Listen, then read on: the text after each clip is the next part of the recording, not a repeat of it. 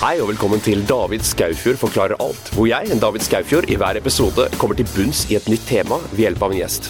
I dag skal vi snakke om boling, og vi har med oss en av de underlige folka som går rundt i treningsstudio og ligner på en panservogn. Han er stappfull av kjemikalier og steroider og har vært det i mange år. Han ønsker å være anonym fordi han jobber en vanlig eller en ganske god IT-jobb i tillegg til å være et levende apotek. Er det noe spennende i trening? Mm, sånn om det er noe penger i det? Ja. Ja, det kan være. Hvis du har et godt navn og har, har de rette kontaktene og kan, kan, gi de rette tingene, så tror jeg det er godt med penger. Det ligger i å tilby kjemikalier? Nei, men det det ligger i, er å tilby en pakke.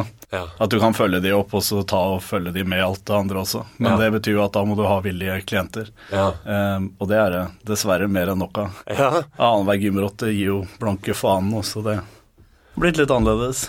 Ja, det er jo I Hollywood så er det jævlig vanlig. Det er jo ingen som er rene der, her, skjønt. Nei, jeg tror det er mer vanlig her enn det du tror òg. Ja.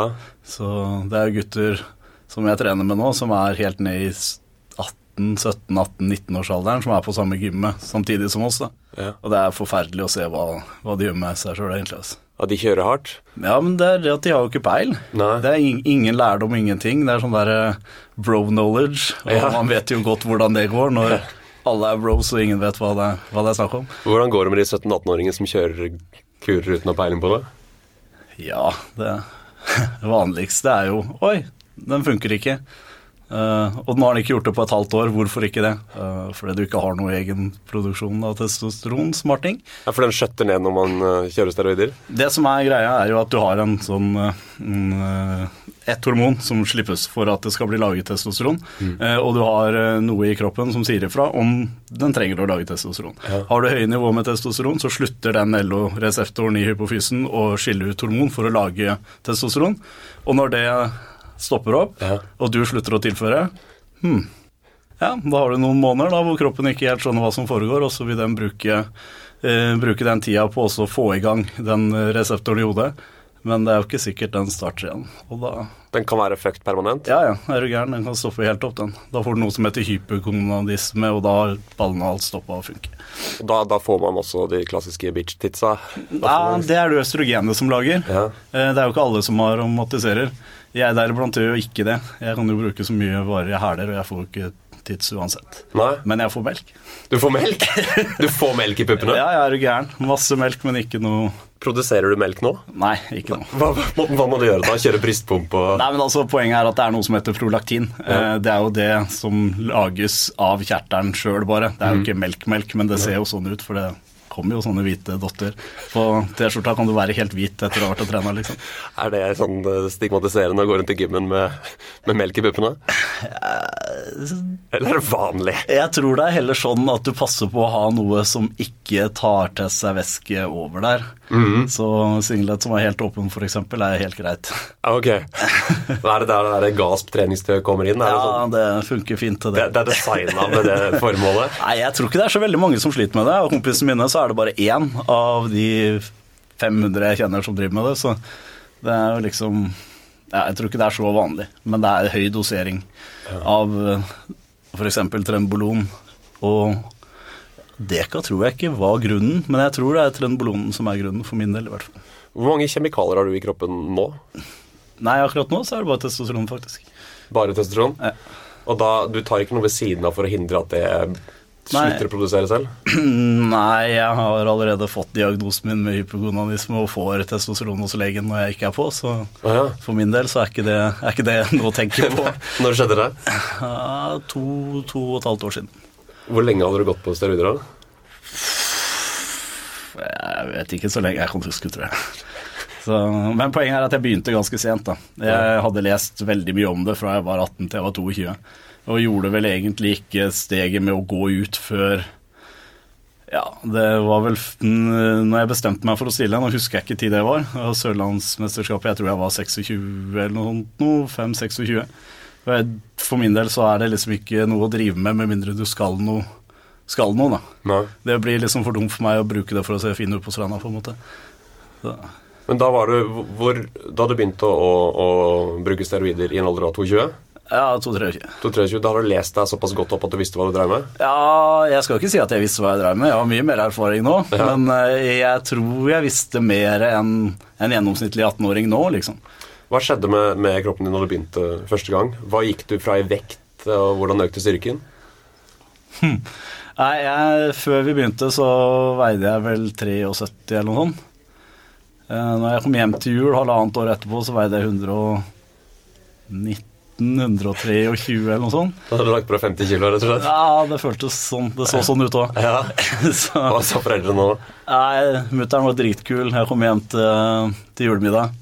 Og så ser jeg all den maten som er der. Og jeg bare Yes, endelig. Mer mat. Og mamma bare Nei, det er ikke noe mer mat på deg. Se på jakka di, liksom. Du, du får det ikke på deg engang. Den spjærer.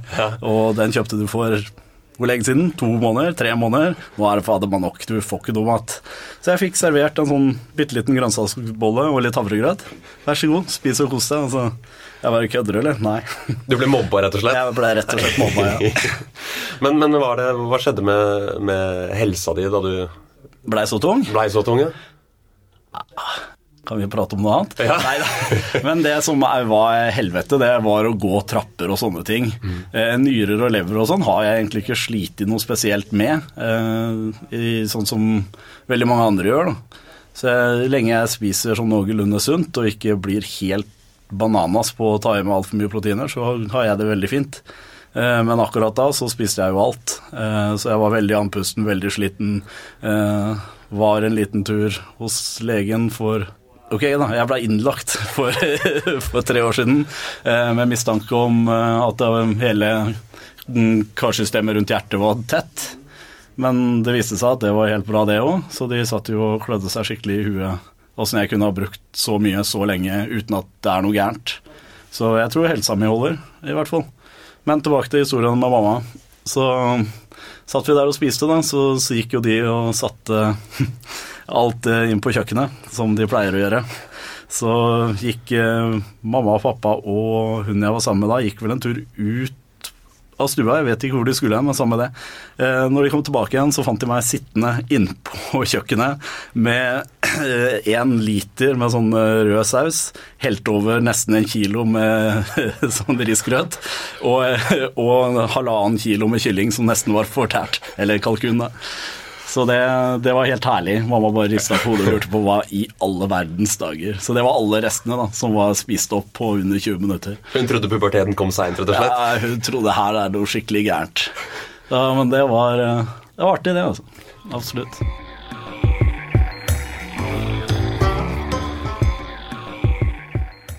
Øker appetitten din som et resultat av eh, steroidbruk? Eh, Eller er det treninga som gjør det? Jeg merker at når jeg ikke bruker noe varer, når jeg tar en liten pause, eh, så er jeg ikke noe spesielt sulten. Men jeg kan drite i å trene. Bare jeg er på, så er jeg kjempesulten. Hele tida. Jeg, ja, jeg kan spise hele tida, liksom. Hvis du ikke trener, men er på steroider, fortsetter du å bygge muskler fordi du kjører hardt? Nei, jeg veit ikke. Jeg, jeg for min del trener jo litt, men det er liksom sånn mm, Jeg tror ikke du bygger noe særlig mer vev av å ikke gjøre noen ting. Nei. De sier jo det at fordi hvis du har trent sammenhengende godt i seks måneder, da, så tar du tre måneders pause. Og da spesiell kondisjon er jo borte igjen når du begynner å trene. Ehm, altså, Muskelhukommelsen kommer jo fort tilbake igjen, at du blir like sterk som du var. Men det er jo de første ukene er dritkjipe. Og det er vel en sammenheng med hvordan kroppen funker. Den gidder jo ikke å gå og bære på alt det her hvis det ikke er nødvendig. Da. Når du tar eh, testosteron, eh, testosteron du er på nå, er det gitt fra legen, eller er det kjøpt andre steder? Det er sikkert laga på et kjøkken i Polen. Men det, det er jo sånn det er. For de som ikke kjenner til det, derav meg, eh, altså inkludert meg, hvor, hvor mye testosteron har en vanlig person i kroppen, og hvor mye har du i kroppen nå? Det, normalt sett så har, produserer en ungdom mellom 30 og 40 milligram testosteron om dagen. Hvis du, kan, da, hvis du sammenligner mot hva vi bruker av varer, da, så er det liksom ca. mellom 30 og 50 milligram.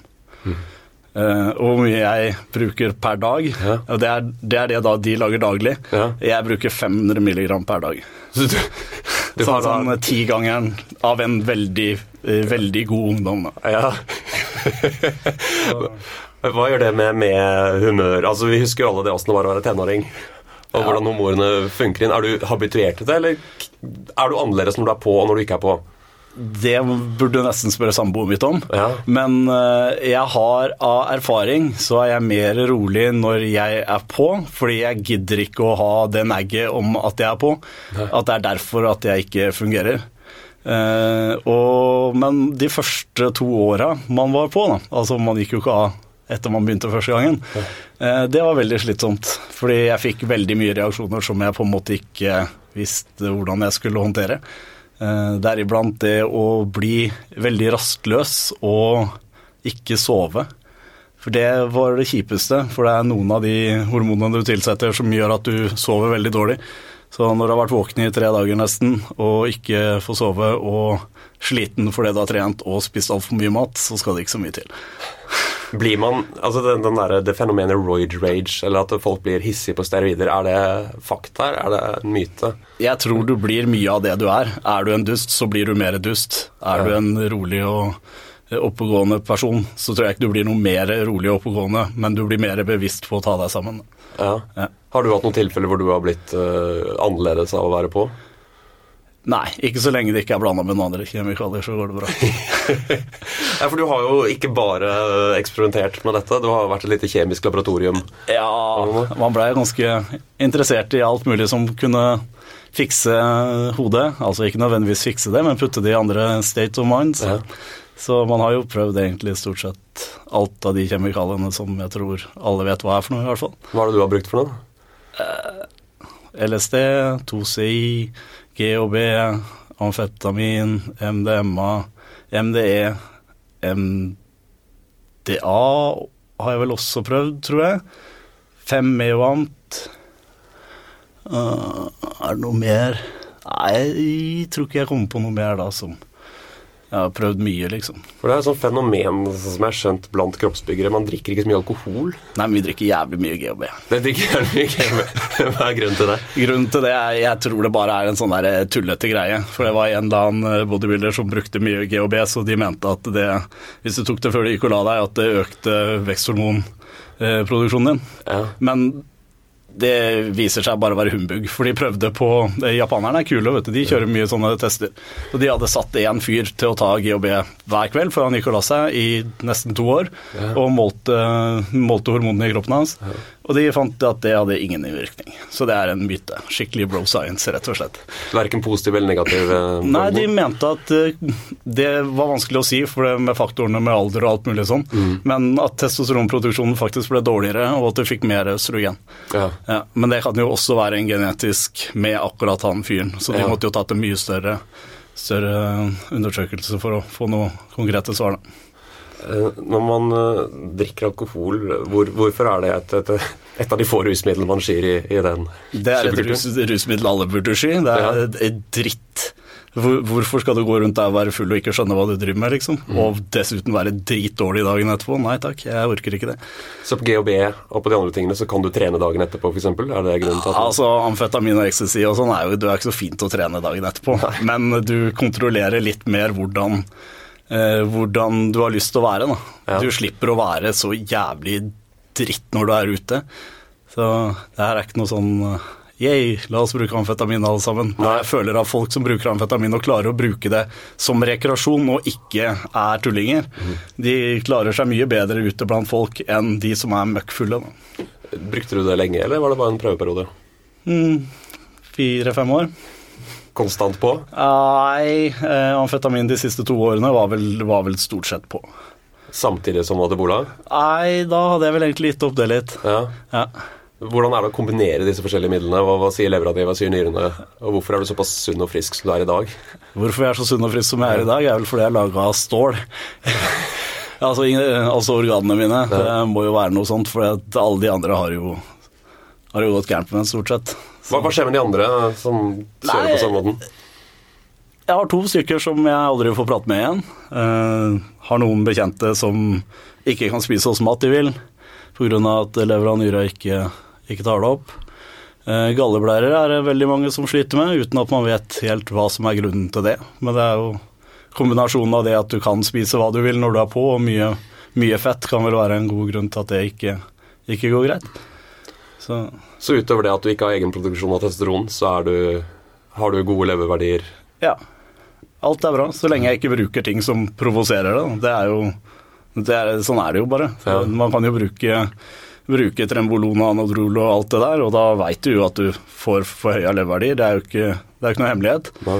Men uh, så lenge du er snill med kroppen og holder blodtrykket nede og sånn, så går det helt fint.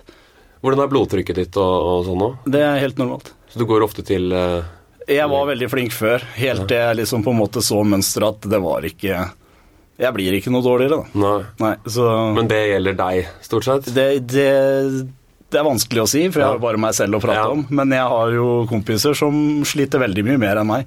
Som kan bruke under, under halvparten, langt under halvparten, og fortsatt sliter med veldig høyt blodtrykk, vondt i hodet, trøkking i øyet. Og når du har høyt blodtrykk, så organene dine er ikke noe glad i det. Da ødelegger du dem jo omsider uansett. Er du veldig kostholdsbevisst og, og sånn? Jeg var gæren før. Jeg veide alt jeg spiste og sånne ting. Men nå er det Det er ikke så viktig mer, da. Nei. Men uh, jeg har liksom knust en kjøkkenvekt fordi at batteriet var ute, liksom. Ja. Så det, ja, man var ganske fanatisk en stund. Hvor mye veier du nå? Nei, jeg tipper et par 93, tenker jeg. Par 93, og da ned 30-20-30 kilo fra det tyngste du har vært på? Ja. Men du har ikke, ikke noe fett på deg? Nei, jo, når jeg var 120, så var jeg ganske feit. Eh, Men jeg var ganske i fin form på rundt 110 en stund. Ja. Men jeg har liksom aldri stilt på noe, på noe så tung klasse, for jeg trives ikke med å være så tung. Så jeg har alltid tatt av meg veldig mye når jeg skal ned.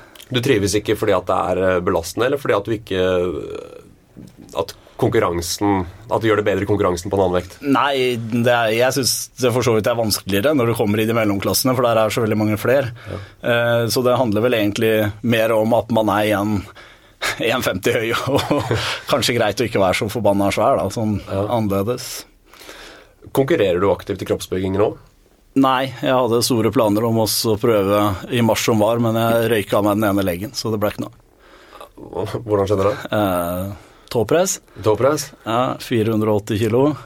Da hørte du at det begynte liksom å rakne, akkurat som du tar et seil og begynner å rive det. ikke sant? Ja. tenkte jeg, shit, det er Nei, nei, det går sikkert fint.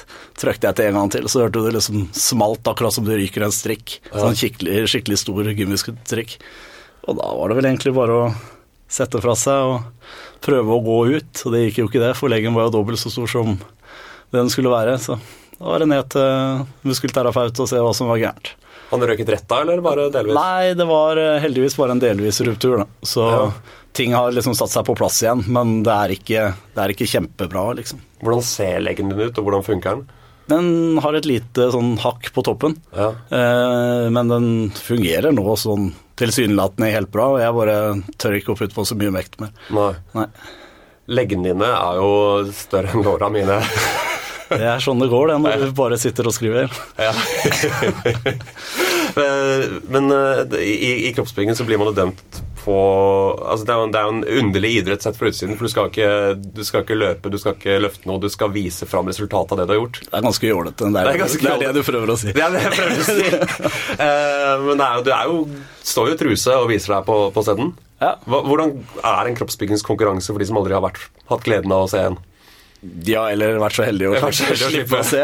Nei da, men eh, det som er, det er jo Det begynner med en sånn forbedømming, eh, og da tar de jo hele settet som er der. Eh, I Norge så er det jo ikke så store sett. Det er jo aldri noe er, Bortsett fra bikinifitness, der er det jo blitt 30-40 stykker, så forbedømminga der går veldig fort. Men på oss andre som bare er si en 10-12, så skal de bare velge ut seks stykker som går videre i hver klasse.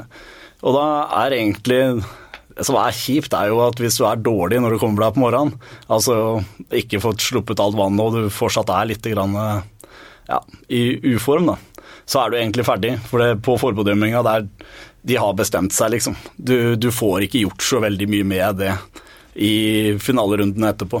Og Da bedømmer de deg rett og slett ut fra hvordan du ser ut. Ja, symmetri, eh, hvor, eh, hvor lite fett du har, hvor lite vann du holder, altså hvor kutta du er, da. Og også da i forhold til symmetrien din. Det som er, eh, det som er litt rart, er jo at f.eks. i bodybuilding så har de forskjellige regler, holdt jeg på å si, eller forskjellige kriterier da, etter, eh, etter hver gang, eller hvilke dommere som er der. Du veit liksom aldri. Så sånn som eksempel var det på Oslo Grand Prix i år, så var det liksom noen der som vant som ikke var i form, men det sto folk ved siden av som var i mye bedre form. Og da, da kan man jo spørre seg selv hva er det som egentlig skjedde. Ja, han ene har vunnet masse før, det er jo greit, men du skal jo ikke automatisk vinne for det. Er det korrupt, eller? Nei, jeg tror ikke det handler om det, men har du et navn og godt rykte, så tror jeg du har mye, mye å vinne på. Da. Men For det går jo veldig på utstråling òg. Du skal være en god representant for sporten din også i tillegg. Så er du en stor idiot og driver og banker og smeller folk på byen, så, Ja. så tror jeg ikke du vinner uansett. Du kan være så bra du vil, liksom. Ja, hva, hva gjør du på scenen eh, utover de klassiske poseringene? Nei, det er et sånn der møkkafri-program som man må gjøre, og jeg er ikke noe spesielt fan av det i det hele tatt. Så det blir eh, moderat gjennomført, og så bukker man og takker for seg. Har du noen sånn signatur... eh, Nei, ingenting. Du danser ikke roboten, eller? Nei, nei, nei. nei. Uff. Det, det hadde vært forferdelig, stakkars mennesker. I, I den dokumentaren 'Pumping Iron' med Arnold Schwarzenegger, hvor han uh, går mot en langt større kroppsbygger enn Lou Ferrigno, Ja. så bruker jo Arnold Schwarzenegger store deler av uh, dokumentaren på å psyke ut Lou Ferrigno. Ja, det stemmer, det. Det gjorde han. Er, er det mentale aspektet av idretten også? For er, Så vidt jeg har skjønt på, på de som driver med sporten, så var Lou Frigno i bedre form, men var så mentalt syka ned når han kom på konkurransen. Det er det at du kan jo ikke komme opp der og lure på hvorfor du er der. Nei. Nei, det blir fort like gærent. Eh, Det var et eksempel med noe, noe bekjent av meg her for noen år siden. Eh, Jeg husker ikke om det var NM eller hva det var for noe, men det, det spiller jo ingen rolle. Eh, Hvor eh, han ene var i kjempegod form, og så kommer Når de står og skifter bak på scenen der, så er det jeg lurer på om det var motstanderen eh, i samme klasse, eller om det var en eller annen som klarte å slenge en sånn bemerkning. 'Herregud, hva du gjør her? Du er ikke, du er jo ikke klar i det hele tatt.' Og han, eh, han forsvant på scenen. Altså. Han har aldri gjort det så dårlig noen gang. Nei. Nei, han eh, falt helt sammen og var ikke samme, samme gnisten i det hele tatt. Var han i form? Om han var i form, ja. Ja. Han var helt sinnssykt bra i form. Men hodet var ikke på riktig plass? Nei. Er det, når dere først møter opp, så har dere jo Du sier hva hva dere det, tømme vannet, eller? Ja, altså, du prøver jo også å bli kvitt så mye væske som mulig de dagene før. Eh, Det eneste som er at ofte så henger, i hvert fall på meg, da, så kan det henge litt igjen hvis jeg ikke kommer meg tidlig nok opp eh, og ikke får gjort det jeg skal før jeg skal, skal stille. Som er hva da? Nei, jeg må jo få spist en del ting som trekker til seg vann, f.eks., og få tatt det man skal ta for å få vannet ut. Er man litt grann for seint ute med vanndrivende og sånne ting, så Så det er en kjemisk cocktail for å komme deg ned igjen også? noen gjør, andre ikke. Ja. Eh, Badstue og sånn, er det en greie, eller? Nei, helst ikke manipulere kroppen så mye med varme og, og bruke den, liksom. Du skal helst ikke svette ut noe særlig. Da blir eh, muskulaturen ikke så fin. Nei, nettopp. Så du må holde litt vann i muskulaturen? Da. Nei, du vil gjerne ha vann i muskulaturen, men ikke i huden. Ja. så Men, men fra du er liksom i, på ditt sterkeste noen måneder før konkurranse, eller hva det er, til ja, det går et, ned et halvt år før. Er det et halvt år så begynner du å, å Ja, det som Man slapper jo aldri av, men, eh, og vektene blir jo aldri lettere, på en måte, men du orker ikke så mye. Da. I starten så er det ikke noe sånn vesentlig stor forskjell, men når du begynner å komme deg ned mot eh, fire-fem uker før, da er det kjipt. Hva er det du, skifter du dietten og, og sånn som Jeg spiser jo alltid, alltid samme maten, jeg bare spiser mindre av det. Ja. Bytter litt på forholda og sånne ting. Så jeg er jo veldig fan av å spise mye fett og mye proteiner når jeg skal ned i vekt. Andre er ikke det. Andre blir jo sure hvis de ikke får risen sin og Ja. andre karbohydrater etter trening og sånn, så blir jo folk sure. Men ja, jeg veit ikke. Hvor, lang er, hvor, lang er hvor mye går du ned, og hvor lang er forberedelsesperioden fra du bestemmer deg for å kutte? Eh, Sist gang jeg stilte, så tok jeg 15 kilo på seks uker. Så det er det verste jeg har gjort. Hvor mye av det er fett? Jeg veit ikke. Ærlig talt, jeg følte meg ikke noe spesielt bra før jeg begynte. Og så sa en kompis av meg vi skal ikke stille bare for gøy. Så ja, ok, greit, da gjør vi det. Men jeg har aldri vært i så god form heller. da. Men jeg tror jeg hadde cardio på nesten fire til fem timer om dagen. Hvordan cardio gjør du da? Går du tur eller løper? Eller? Ta med bikkja og går tur. Ja. Ja. Um, I um, eh, konkurransen så er det jo tydelig at ikke alle er rene. Det er tydelig at eh, stort sett ingen er rene. Ingen er rene. Hvordan er det for en ren person å stille opp? Har de noen sjanser i det hele tatt? Da skal du være veldig genetisk Ja. Ja. Men altså det som er, det er at det er jo folk som er veldig genetisk begava. Ja. Eh, og de, de blir jo veldig bra, de òg. Men det er, det er jo kuttet og liksom poppen i muskulaturen tror jeg er veldig vanskelig å beholde når du går så lavt ned på mat og alt mulig. Så jeg tror det å stille som, som genetisk begavet er kanskje mye vanskeligere. ja. Ja, for du har ikke de hjelpemidlene som skal til for at man blir så kutta og fin i kroppen hvis du ikke skal jukse noe, tror jeg. Så det å gå opp er lettere for dem, men det å gå ned er vanskeligere? Ja, du har kanskje lest litt om at det er stort sett tre forskjellige typer mennesketyper, ikke sant. Eh, Og er du mesomorf, så legger du jo fort på deg uansett. Eh, Er du ektomorf, så legger du jo ikke på deg, men du er jo alltid i god form. Og nå husker jeg ikke hva den der blandinga heter. Endomorf, er det ikke det? Jo, det er det som legger på seg fett, men ikke Ja, endomorf er det, det stemmer. Eh, og er du heldig og er en sånn en, så har du det jo fint, det. Ja. Hvilken eh, type er du i utgangspunktet? Jeg er ekto. Du er ekto? Ja. For du ser jo ut som en meso... Ja, men det er jo sånn det blir. Ja. så det gjør, eh, det gjør veldig, veldig mye med deg da, å få lov til å legge på seg litt masse. For jeg la jo ikke på meg noe når jeg var liten i det hele tatt. Jeg var mye, mye tynnere enn deg igjen, Mm. liksom. For ekto, det er da den klassiske slank eh, Løpetypen, liksom. Løpetypen, ja. Ja. Uh, meso er den der mer naturlig muskuløse, og endo er han der IT-tjukkasen. ja, det, det blir vel så greit. Ja. Du uh, jobber jo ikke med dette profesjonelt, dette er jo hobby. Ja. Du jobber jo i IT. Ja. er det en eh, uvanlig kombinasjon, eller er det den type jobber mange i, din sektor har? Nei, jeg vet egentlig ikke hva som er sånn gjennomsnitts... eh, eh, arbeidstypen, bortsett fra å være torpedo eller være medlem av en eller annen slem klubb. Men eh, utover det så tror jeg folk bare er vanlige folk, liksom. Ja. Ja. Eh, På jobb er det, legger, folk, eh, legger folk merke til at du har en litt annen bygning. Det, det er veldig spesielt å komme i møter og sånn. Ja. Det, Blir du møtt med fordommer? jeg veit ikke. På jobbintervjuene så er det veldig, veldig merkelig stemning når man kommer inn på rommet. Ja. Men det løsner fort så lenge man kan det man driver med, tror jeg det er. Ja, Med en gang du åpner kjeften, så, så begynner de ikke å forklare hva javascript er. Nei, det, det er ikke sånn det funker. Nei. Heldigvis. Men er det et tema på jobb? Er det noen som spør og Nei, De syns jo det er jævla rart, det med maten. Ja. Ja. Det er eh, Ja, du spiser vanlig mat òg, men hvorfor hiver du deg alt det der andre? Fordi jeg ikke gidder å spise mat. Ja. ikke sant? Jeg kan ikke spise et helt brød hver gang jeg spiser mat, det funker ikke. Hva spiser du da? Hva spiser du lunsjen på jobben, og hvor mye spiser du?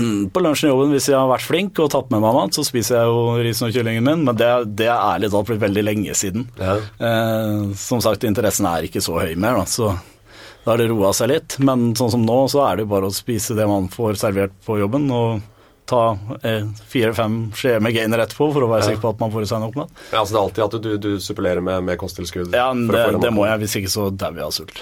Ja. Ja. Og da, hvor mange shakes og sånn har du om dagen? Kan vi ikke heller bare ta og si at jeg bruker nesten 3000 kalorier om dagen i shakes ved sida? Ok. Så jeg dekker det vanlige dagsbehovet med, med, Med shakes. flytende føde? Ja, og så er Ja. resten bare bonus. Ja. Ja. Nettopp. Så det blir et par dassturer også. Noen. Ja. Eh, det at du um, eh, Ja, du sier at i, i bygging så er det veldig få som er rene. Hvordan tror du det er i andre idretter? Du har hele tiden folk i, i sykkelsporten. altså Jeg mener ikke du skal utlevere noe, men altså, du har jo topper som blir tatt hele tiden. Jeg husker jo Ben Johnson var et stort kasus i eh, var det OL i 88 eller noe. Ja, og så han som slo den, han testa jo positivt på Hva var det for noe? Eh, herregud Efedrin og Herregud, nå står det helt stille. For, ja, Spiropent heter i hvert fall, eh, i hvert fall det stoffet, eller eh, merkenavnet på det stoffet. Hva er det for noe? Eh, det er astmamedisin. Ja, for å åpne lungene og sånne ting, for å løpe fortere. ja. Så han ene ble tatt med et steroidlignende preparat, mens han andre ble tatt med et amfetaminlignende preparat. Men de ville ikke at Ben Johnson skulle vinne, så da tok de han for doping, men ikke han andre. Testa ikke eh, Ben Johnson egentlig på et eh, medikament han ikke hadde hatt i seg først? Eh, jo, det var jo det de sa. Ja. men eh, Vi har det senere, og det er, eh, jeg har ikke helt faktaene på bordet her, men jeg mener at, at første, andre og tredjeplassen senere har blitt tatt yep. i doping. Så det er fjerdeplassen som egentlig skulle hatt den Det seieren i 88. det stemmer. Er er det vanskelig å, å eh, dopteste? Eh, Det som er, er jo at det er veldig mange av de steroidene de sitter jo i veldig lenge. Ja. Eh, Så f.eks. hvis du har brukt Nandrolon, så sitter jo det i syv-åtte måneder. Du kan fortsatt teste positivt. Da. Så det er jo vanskelig å snike seg unna i den type sport. Så da må man bruke hurtigvirkende testosteroner og sånn. Eh, Og da kan du jo være på f.eks. si du skal konkurrere om seks måneder. da. Så er det ikke noe i veien for at du kan være på i fire. Så lenge du veit tid du skal testes, Ja. Eh, for da trenger du bare å være inn tre-fire dager. Og jeg tror du, hvis du ser de kommer inn på treninga, så tror jeg du klarer å sno deg unna. Og da veit du at de ikke kommer tilbake for om noen dager, for å si det sånn. Ja. Og da får du vel på en måte gjort det du skal. Du får flusha ut. Ja, tror jeg. Men eh, er det, kan man, når man tar en prøve, kan man se hva som er forskjellen på endogent, altså testosteronet produserer selv, og testosteron som har kommet utenfra? Nei, det er det som er litt morsomt. Så veksthormon er jo kjempefint å bruke, HGH. Ja. Eh, For det er ikke noe referanseverdi på hvor mye folk kan produsere sjøl, på en måte, for det er så veldig, veldig stort spenn. Ja. Hvis du er ute og går en syv, åtte, ni timer om dagen, så produserer du vanvittig med veksthormon. Men det er jo ikke sikkert du får brukt det til noe nyttig annet enn å brenne fett. Men han som tilfører, kan til og med ha mindre enn deg. Ja. Og så tester du da farlig på en HG8-prøve, men ikke han. Så, så det man har bare sett en normal eh, Ja, man bruker bare en normal referanse, bortsett fra f.eks. si trembolon og andre sånne testoderivater. Da. For da finner vi metabolittene i urinen. Ja. For det er jo ikke normalt. Du tisser jo ikke ut en, en derivat av testosteron. Du har jo bare testosteron til vanlig. Sant? Ja. Mm. Så hvis man holder seg innafor et normalnivå, så kan man kjøre veksthormon? Ja, hvis du bruker veksthormon og testosteron og holder deg innafor normalen, ja, selvfølgelig kan du det. Hva er forskjellen på å bruke veksthormon og testosteron? Hva, gjør det med kroppen å ta veksthormon og gjøre det med kroppen testosteron? Veksthormon er jo det som eh, kroppen vår skiller ut for å reparere cellene våre. Eh, Så det holder liksom alt mulig i gang, da. Altså all hud, hår, indre organer, blod. Ja, you name it, liksom. Det er jo det som på en måte holder deg frisk. Mens testosteron er jo det som gjør at du bygger muskulatur. Bygger du muskler av, av veksthormon? Det kan man diskutere i det vide og det breie, eh, med tanke på Ja, det lages nye celler, men vil det lages flere muskelceller, vil, vil det hjelpe, på en måte, da. Men hvorfor tar folk da i uh, veksthormon i idrettssammenheng hvis man ikke vet om det bygger muskler? Altså Hvis det bygger hår, så er ikke det Nei, nei, men det fjerner fett, da. Det fjerner fett, det ja. brenner masse fett. Ja. Uh, Så du, er, du har en mye linere fysikk så lenge du bruker HGH uansett. Uh, Og nå vil jo sikkert veldig mange av de som hører det her, komme og si at ja, men du bygger jævla mye muskler òg. Ja, men det er ikke min erfaring. Nei? Nei, Så jeg ser mye bedre ut når jeg bruker HGH, men jeg bygger ikke noe spesielt mer med muskler. Ser du sunnere ut? Blir man mer Jeg ungdommelig? ikke, jeg tror kanskje man har en litt annen glød i huden når man føler seg liksom bedre. Da. Ja, Sylvester Stallone ble stoppa med en koffert med veksthormon da han skulle spille inn Expendables i Australia. eller hvor det var. Ja, Han fikk ikke lov å ta med seg det. Han fikk ikke lov å ta med seg, sier han det, bare når kroppen trenger det etter å ha fylt 50. Ja, ja, men det er jo ikke ljug. Jeg mener jo at alle, alle gutter over 30 burde tilføre testosteron òg. Ja. Så det Dropper det i 30-åra? Ja, det er jo nesten ferdig i 30-åra. Er det, ja? Ja. Det er så lavt at det er jo ikke betydelig, liksom. Nei. Så det er vanskeligere å, å bygge muskler og trene og holde seg i form? Har du sett veldig mange over 35 som ikke har trent aktivt hele livet, som ser veldig bra ut? Det. Nei. Det, Så hvor mange, altså I USA så kan du jo gå på sånn life extension clinics og få veksthormon. Du kan få test av legen. Ja. Du får jo test- test av legen i Norge. Ja. Hva skal til for å, for å få påvist supergonanisme i Norge, i hvert fall. ja, Du kan ikke bare si du, jeg føler meg litt slapp og eh, Nei, jeg tror ikke det, men i USA så er det kjempekult, for du går jo bare og tar en blodprøve, og så får du Nei, dette er utenfor referanseverdi, dette er utenfor referanseverdi. Her, vær så god, her pakka di kommer i posten hver annen uke. Da, da får du en sterk dose eller en minidose? Nei, men jeg tror du får Det er liksom test to replacement therapy. Ja. Så man får jo det som kroppen ville, ville laget selv over den perioden hvor du får medisiner. ja. Men da, da du, gjør du deg selv avhengig av det fordi at du slutter å produsere det selv, eller? Ja, men når du er som sagt over 35, så spiller Ja. det ingen rolle. Nei. Så. Men eh, det testosteronet eller det testosteronet du får av legen, hvor mye får du da? Du, du nevnte 30-50 mg per dag for en tenåring. Ja, eh, det er sånn cirka det jeg får. Ja, Ja. Så du kan, du kan være tenåring Ja, livet ut, jeg kan være tenåring livet ut, ja. Ja. Ja. Du akter å være? Ja. Jeg har ikke tenkt å gi meg, i hvert fall. Nei. Nei. Em, hvis eh, en person som eh, ikke har brukt noen ting før, begynner øh, Går til legen og får det samme som du får. Altså Ja. får, får litt veksthormon, får uh... Men jeg får ikke veksthormon. Ikke I, Norge får du ikke veksthormon. Nei. Nei. Men du får tak i det, du? Ja, alle får tak i det. Ja. Det er jo bare å spørre, spørre han gymrotta på gymmet, det, så ordner det seg. Ja. Så, Er det vanlig vanlig treningssenter? Går du på sånn spesielt boligtreningssenter, eller henger du rundt på vanlig senter? nei, jeg trener hvor som helst. Spiller ingen rolle for meg. Jeg får litt hetta der hvor, hvor det er sånn åpenlys prat og sånn. Der får jeg litt hetta. Det Ja. orker jeg ikke. Nei, hvis folk kommer bort til deg og spør om å Ja, men det er jo det som gjerne skjer på si Elexia eller sånne type gym. Da så kommer jo folk bort og spør. Ja. Eh, det, altså folk er jo nysgjerrig, dessverre. Sånn er det jo. Men hvis man går på de type gymene hvor det er veldig mye av det, da, så jeg bare føler meg utilpass. Jeg syns ikke det er noe Nei. Det er ikke noe for meg, liksom. Hvor mye trener du? Nei, før så var det jo en fem-seks økter i uka, pluss at man var ute og gikk og spilte fotball og var helt gæren. Ja. Så man hadde jo da Ja, kødder ikke jeg, mellom 30 timer som man trena i uka, tenker jeg. Så det var gøy, det. Men nå, du ser jo fremdeles ut som en bygger i mine øyne. Ja, men akkurat nå så Det er ikke tida for det, rett og slett, så jeg trener en tre-fire ganger i uka bare. Ja. Hvor lange økter da? 40. Holder du det ved like med det? Eh, Ja, jeg har til og med klart å slenge på meg et par kilo det siste året, så jeg tror det går greit. Ja. Ja. Hvis eh, jeg nå skulle gått til legen og fått da 30-50 milligram testosteron, Ja. hva hadde skjedd med meg da fra jeg begynte å bruke det? ja, det kommer jo veldig an på hva du produserer nå, da, hvis, eh, hvis du hadde produsert Jeg har vært og testa det. Det er, eh, det er greit. Ja, det er greit. Ja, det er det samme som jeg hadde for ti år siden. Wow. Men, sånn, men det, det, jeg vet jo faen ikke hva som skjer om et år. Nei, eh, hvis du holder deg unna, så Ja. skjer det ingenting, sikkert. Nei da, men poenget er at hvis du Si du tar en vanlig sånn førstegangskur da, på Ja. rundt 500 mg i uka. Ja. Det er bare 150 mer enn hva som ville vært vanlig å produsere da, hvis du er veldig høy. Ja. Eh, så det første du kommer til å legge merke til etter noen uker, det kommer jo an på preparatet du velger å bruke, selvfølgelig, men hvis du bruker en antat, en vanlig langtidsvirkende testosteron, så etter et par-tre uker så vil du merke at du blir sterkere, men du vil også merke at du er litt annerledes i kroppen, fordi du begynner å holde litt mer vann. Du ser nok betydelig større ut enn det du var, altså bare pga. at du holder vann. For du har ikke rekke å bygge noe masse enda uansett. Men du kommer til å være jævlig sulten. Ja. Du kommer til å være så sulten at du, du kommer til å f- fnatt hvis du ikke får i deg mat, liksom. ja. Ja. Du blir sånn tenåringssulten, rett og slett? Ja, det, ja og, hakket verre. Jeg, jeg føler at det Ja. Når det kommer til mat, så er jeg monster, liksom. Jeg må ha mat når jeg skal ha mat, ellers så klikker det helt. Ja. Da blir det dårlig stemning på Ja, det blir kjempedårlig stemning. Folk så- får ikke noe IT-support den dagen. Nei, jeg får eh, rett og slett beskjed om å gå og spise. Ok. Ja. Ja, Nå er du veldig lite brukervennlig, gå og spis. Ja. Så sånn en nødskap med Ja, nei, jeg har alt av stæsjet mitt stående på jobben. Jeg bor jo nesten der, så alt av stæsjet, vil det si kjemikaliene? nei, nei, nei, nei, nei, nei. Det kan man ikke ha med seg på jobb. Nei. Det, Men eh, hvis jeg fortsetter at jeg har holdt det her i et halvt år, da.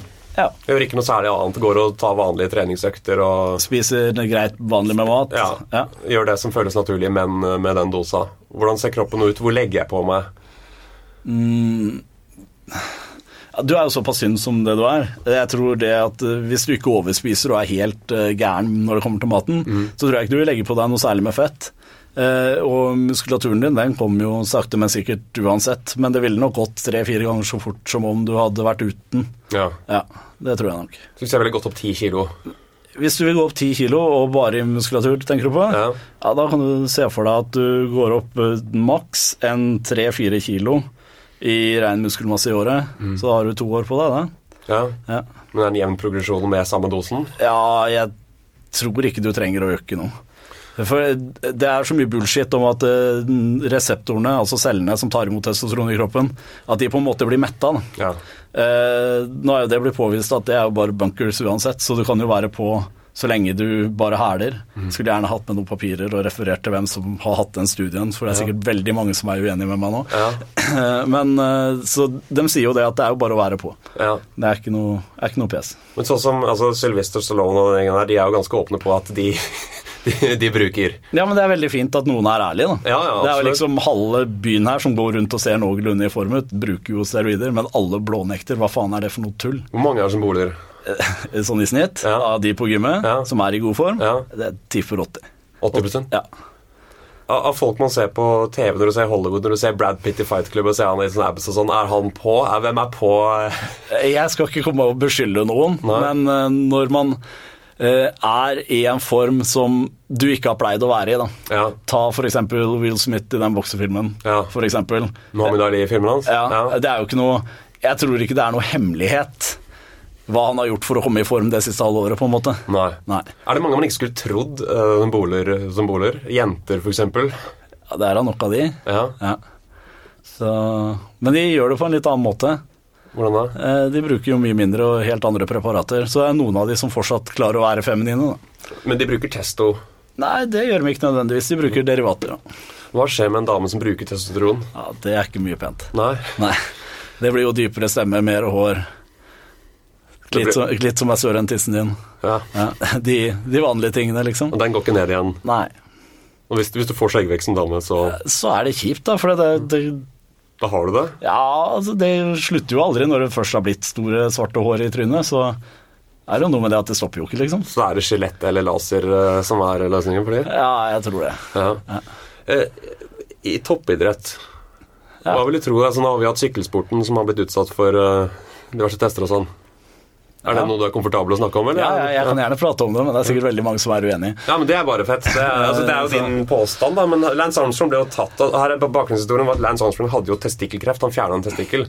Og da er det vel ingen hemmelighet at du får testosteron av legen. Jo, men du trenger jo faen ikke å bruke tre ganger normal dose og, og EPO og Altså, Han ble jo ikke tatt på EPO, men han, det er jo ikke noe hemmelighet at det har vært så mange generasjoner av den. Og hvis han har ligget foran, foran eh, de testerne hele tiden, så Ja. eneste måten du kan ta det på, er jo at du har tjukt blod. Ja. Men de må jo også finne metabolitten eller sporstoffer også. Ja. Finner de ikke sporstoff og du bare har høyt og tjukt blod, så ja, da kan du jo påstå så mye du vil. Men det er høydehustrening er jo bare å si at du har ligget hver natt inne i kammeret ditt, liksom, så får de ikke gjort noe med det. Så, så brukeren ligger alltid foran testerne? Det det er jo i hvert fall veldig ofte sånn. Ja. Ja. Og det er en industri som uh... Det er uh, leger og andre Ja. høyt inni det der som Det er et med- medisinsk apparat bak. Ja, jeg tror, tror nok det, altså. Det, Så de, de får ikke noe som er laget på et bad i Polen? nei, jeg tror det heller er eh, Det som er litt uh, artig, det var jo hele den THG-saken, du husker det, sant? Nei. Det var alle de løperne som plutselig ble tatt. Ja. Ja, eh, og de hadde jo et type stoff i seg som de ikke testa mot. Ja. Hva da testa de ikke? Fordi de visste ikke om det. Okay. Så der hadde det vært kjemikere som hadde lagd en helt annen type derivat av testosteron, som da skilte ut en helt annen type metabolitt, som de ikke, ikke fant. Okay. Og da kan du tenke deg at det var et lite pissland Ja. som ble tatt for det der. Eh, hva har de store landa av ressurser for å kunne gjøre det samme, da? ja. Ja. I sykkelsporten, eksempel, når Armstrong, Beklager, når Armstrong blir tatt, så har det mange eh, under han som ikke blir tatt. Men hva vil du tro er prosentandelen der som er på Jeg tror nok at alle topp ti alle topp ti? Ja, det tror jeg nok. Det, du ser jo, hvis du bare ser på resultatene i sykkelsporten, så er det veldig artig. For det tårnet har bare blitt eh, eh, sykla fortere og fortere og fortere. Fortere. Ja. Og hvordan gikk det i år? Ja. det, det var ikke noe fortere i år, for å si det sånn. Nei. I år så var det liksom tilbake ti år på fartene, liksom. Det, altså, det tok så mye lengre tid. Ja. Det var jo ikke noe spennende. Ingenting. og det er liksom Dopsport er mindre spennende? ja, men altså det du, du ser jo, du vil jo gjerne se folk som blir flinkere, raskere, gjør ting bedre, liksom.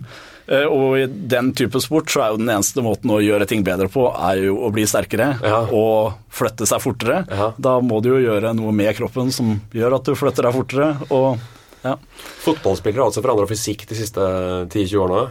Tror du det er et sånn ideal, eller tror du det er noen som bruker den sporten, og har de like mye igjen for å, å bruke som andre? Hvorfor i alle dager vil du være, bære på mye ekstra, ekstra muskulatur hvis du skal løpe rundt på en fotballbane? Det tror jeg ikke noe på. Nei? Men jeg sier ikke at det ikke er doping. Jeg Nei. sier det er doping på en helt annen måte. Ta Ja. kortison f.eks. Ja. Hvor mange av de tror du ikke har skader som er fulle av kortison hele tiden for å slippe å merke at man har vondt? Ja. Er det noe bedre å bruke kortison for å hindre betennelser i kroppen enn å bruke steroider for å forbedre i gåseøynekroppen. Altså, det, er, det er jo to sider av samme sak. Kortison er et steroid, det òg, men det gjør, tar bort betennelse, mens steroidene bygger muskulatur. Ja. Jeg ser ikke helt hvorfor det ene skal være greit og ikke det andre. Så kortison er et steroid? Ja, Det heter jo ikke kortison som steroid for moro skyld. Nei, men det kan du få på apoteket på salve. Ja, for eksempel. Ja.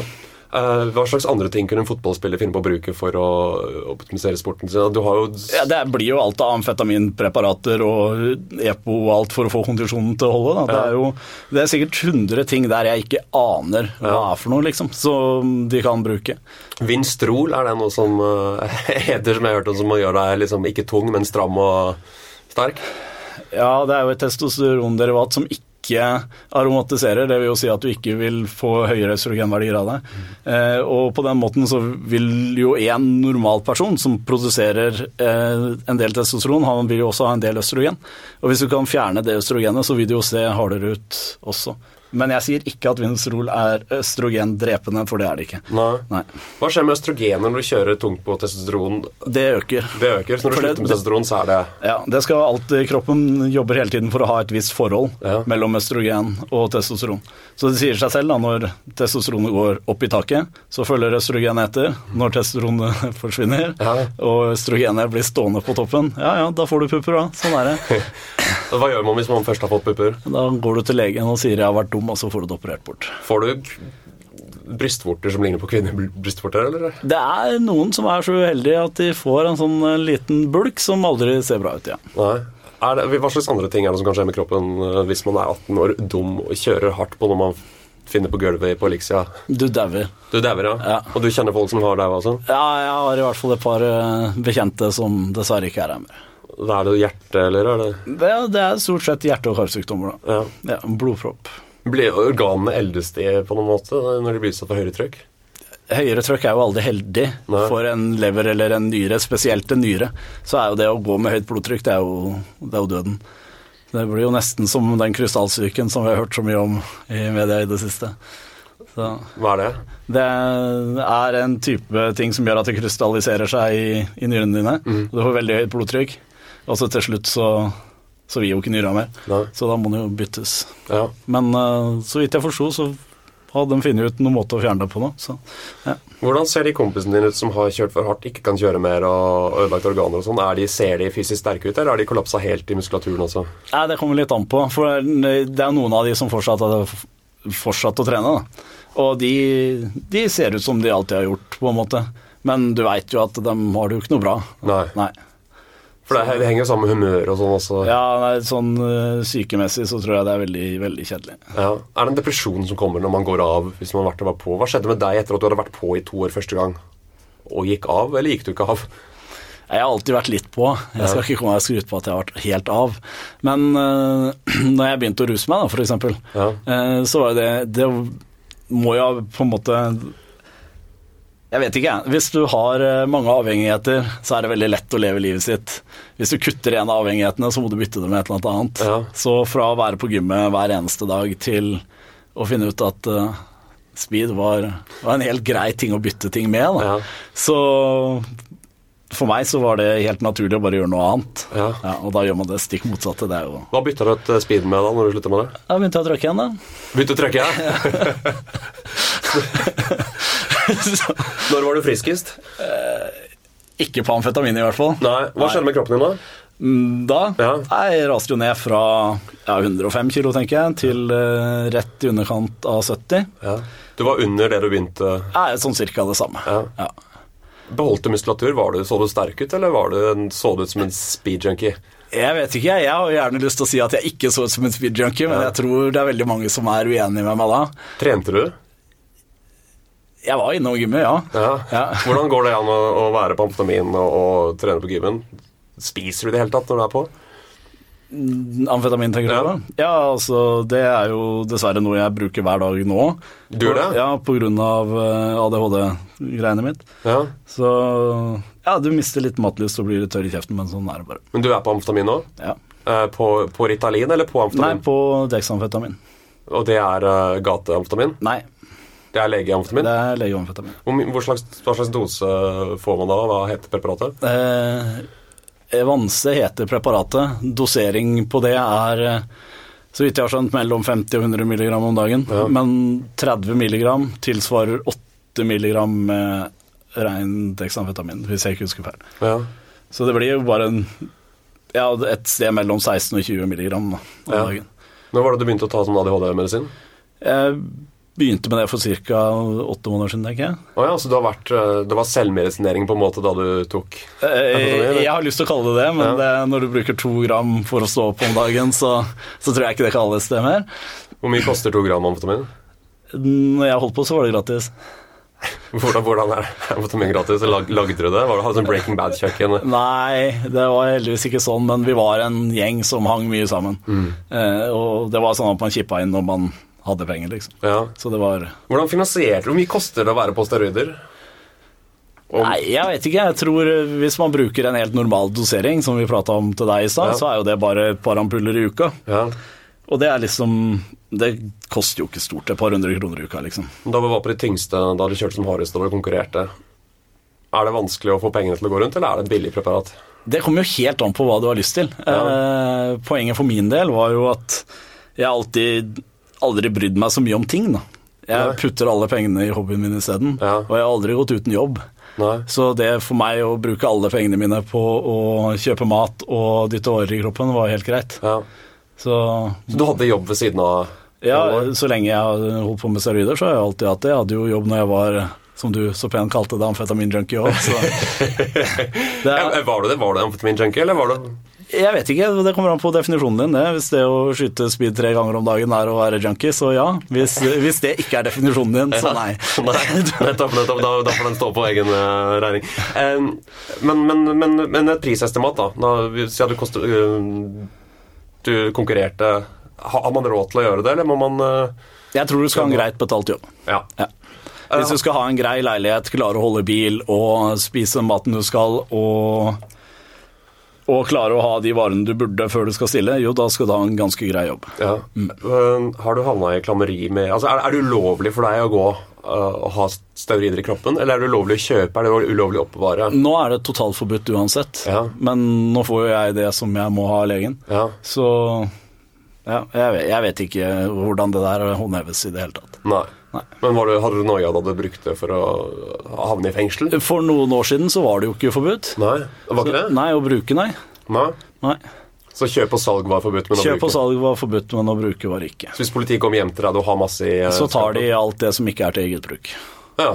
Og de lar deg ha det som er til eget bruk? Ja, innenfor rimelighetens grenser, ser jeg for meg. Det var i hvert fall sånn det var før. Ja. Så ja. Nei da, men poenget er jo at man har jo alltid vært litt på kanten av loven pga. at man har gjort alt det man har gjort. ja. Eh, og heldigvis har man aldri gjort noe så alvorlig at de liksom på en måte kommer og putter deg vekk. Nei. Men det er jo verdt husbesøk og sånn i forhold til det med steroider, i hvert fall. Ja. Eh, og de har jo aldri gjort noe annet enn å ta det som jeg har hatt liggende hjemme. Men da har du bare noen på gymmen tipsa om han der er svær, og han For å være helt ærlig så kan det ha vært hvem som helst jævla idiot i verden. Ja. Det, det spiller ingen rolle hvem som har sagt det. Jeg har mine ideer om hvem det kan være, som mm. har eh, drevet og prata, og så får det hele komme for en dag når de gjør det. Ja, ikke sant. Men du er jo redd for når du går på podkasten her, for eksempel, for at eh, eller nå får du jo ditt av legen, så du har ikke noe å skjule. Jeg tenker ikke så veldig mye på det, nei. Nei. Nei. Eh, Da du begynte å bruke første gang, hvordan økte styrken din? Har du noen referanse på, på hva du benka før du begynte, og etter at du hadde vært på et halvt år? Det driter jeg egentlig i. Det det? Men eh, det, som, eh, det som var markant annerledes, det var drivet når du var der. Ja. Ja. Du ble ikke like sliten. Du følte du kunne trene fem dager på rad, og det hadde ikke så mye å si. Det er liksom restitusjonen du merker det aller best på. Ja. Og jo mer du får trent, jo større og sterkere blir du. sant? Så det er innhentinga som Ja. du jobber på. Men du, du trener, i og med at du har trent for kroppsbygging, da, så har du ikke trent nødvendigvis for styrke, men du har trent for uh, volum. Det er, det er der jeg på en måte driter meg ut i forhold til det med kroppsbygging, for Ja. jeg syns det er mye gøyere å løfte store, tunge vekter. Ja. Og det er jo ikke nødvendigvis det som gjør deg så jækla svær. Nei. Ikke sant? All den der pumpinga, ligge og gnukke på de vektene, det syns jeg er forbanna kjedelig. Altså. Men uh, styrkeløft, har du drevet noe med det? Nei, jeg har aldri konkurrert i det, nei. Nei. Hvis du skulle konkurrere nå, hadde du hatt greie nummer å putte opp? Hvis jeg skulle konkurrert nå, akkurat nå, så hadde det ikke vært så greit, men for et halvt år siden så hadde det vært veldig greit. Ja. Hvor mye hadde du tatt da i, i knebøy, benk, markløft? Jeg, jeg tipper rundt 300 på de store, Ja. og så rundt en 200 eller noe sånt nå på benk, tror jeg. 200 på benk? Ja, det er ikke så forbanna bra, men jeg er ikke noe glad i å kjøre det. Så. Nei. Men 300 i mark og 300 i knebøy, det er jo da Du ville jo fått deg en pallplass på en uh, lokal kropp, eh, styrkeløftkonkurranse med det. Jeg tror jeg hadde blitt tatt for doping og sendt hjem. Ja. Hva løfter de på? på høyt nivå i styrkeløft. I de samme løftene. Ja, men det kommer an på vektklasse, sant. Ja. I din vektklasse? Ja, I min vektklasse aner jeg ikke, for det er jo ingenting om. For det er jo såpass lett. Ja. Det er jo stort sett bare superklassene som blir dekket. ikke sant? ja. Og i superklassen så skjenger de opp i 400. Ja, De er jo gærne. Ja. Det er helt sykt. Det, ja. Men de er ganske hissige på doptesting og sånn? Eller er de ikke det? Jeg tror de er det, men jeg tror det er veldig mange som sniker seg unna. Ja.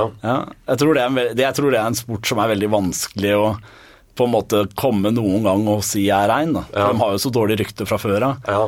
Så de som eh, Når jeg trente veldig mye styrke, så er det jo Westside Barbell Club som jeg følger, og jeg har sett en del dokumentarer om de, og det er liksom sånn skal du drive med styrkeløft, så må du bruke varer, liksom. Det, er ikke, det er ikke noen vits i Du kan ikke komme her og tro at du løfter over 350 kilo i mark hvis ikke, liksom. Nei. Så det var deres eh, syn på det, i hvert fall. Eh, når du snakker om restitusjon, så blir jo kampsport eh, veldig interessant. Du har trent eh, kampsport. Ja, også. jeg har trent en del kampsport. Ja. Ja.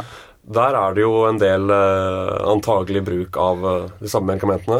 ja, men du så jo det på UFC nå, så blei jo Chael Sonnen ble jo diska. Ja. Pga. bruk av eh, klomid. Eh, Og klomifen er jo noe man bruker etter, etter man har vært på kur, da, for å Ja. få ting til å fungere igjen. Ja. Eh, Så ja, just saying. Ja. Men de fikk jo lov til å bruke test of replacement therapy i USA, det er helt greit. Ja. I nesten alle sporter, for så vidt. Så Så da kan du komme inn eh, i anførselstegn dopingfri, men med jævlig høyt testosteronivåer. ja. Og da henter du også inn altså etter skade, f.eks. Hva er forskjellen på hvis du får en skade å være på bol og ikke? Hvis du f.eks. bruker både vekst og testosteron, så Ja. det å få en skade, det går fort over. Altså. Hvis du knekker ribbein, f.eks., som jeg har god erfaring med det siste. Hva, hva Jeg, jeg veit ikke. Eh, Jeg har aldri knekket noe som helst. Jeg har bare revet av meg en del muskulatur. Ja. Og det har aldri vært så gærent at jeg ikke kan ha trent igjen etter et par måneder, liksom. Nei. Nei. Og det er vekst og testo som hjelper å lappe det sammen? i Ja, jeg tror jeg, jeg velger å tro det, og at man spiser og kroppen holder seg i gang, liksom. Ja. Ja. Eh, For veksthormon bygger jo beinvev også, eller er det en sånn Jeg tror det å løfte tunge vekter er vel det som bygger mest eh, Ja. skjelett, på en måte. Du må putte inn innsatsen uansett om det Ja, er på eller ikke? Ja, jeg tror det. Hva skjer hvis du kjører masse steroider og ikke, ikke trener? Nei, jeg tror ikke det skjer så veldig mye med deg, annet enn at du blir jævlig sugen på mat, og at du spiser veldig mye og blir skikkelig feit. Ja. Ja. Hvis du hadde øh, skulle starte om igjen med det du har gjort, hadde du fremdeles gått på med det du vet nå, og den tilstanden du har av hypogonadisme? Hmm. Eller hadde du bare valgt en klokere kur? Jeg, for å være helt ærlig, hvis jeg kunne valgt, så hadde jeg gått tilbake og ikke gjort noe av det. Ja.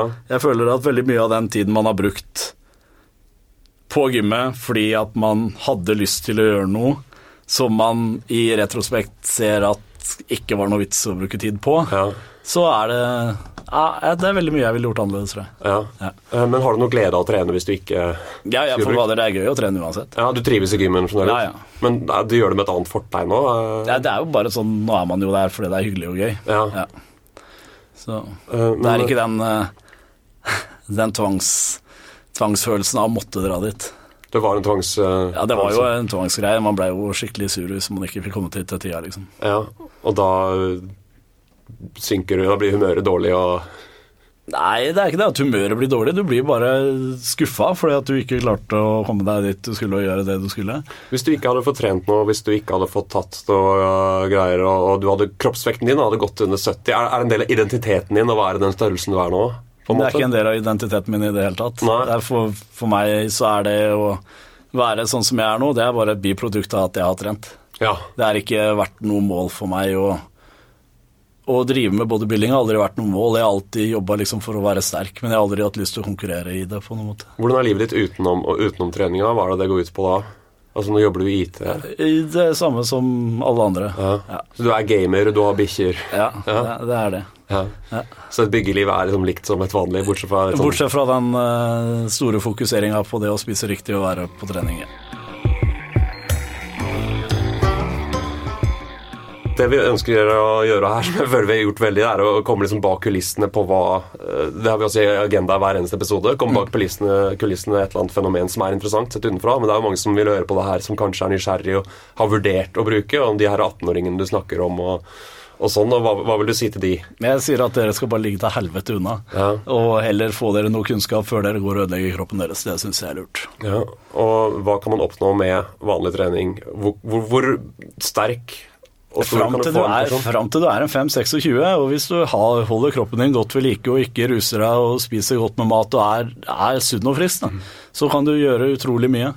Mesteparten av de vanlige ideal, idealkroppene som man ser, det klarer du helt fint. Ja. Bare legge inn effort og spis mat, så blir du sånn som kroppen din kommer til å bli. Eh, og vær heller, vær heller sånn. Men for de som er da 40 pluss? Nei, altså, jeg sa opp til 25, så er Ja, du gjorde det. De andre må få seg ja. De andre, andre må enten finne på noe annet å gjøre, eller så får de bare komme seg på som resten av oss.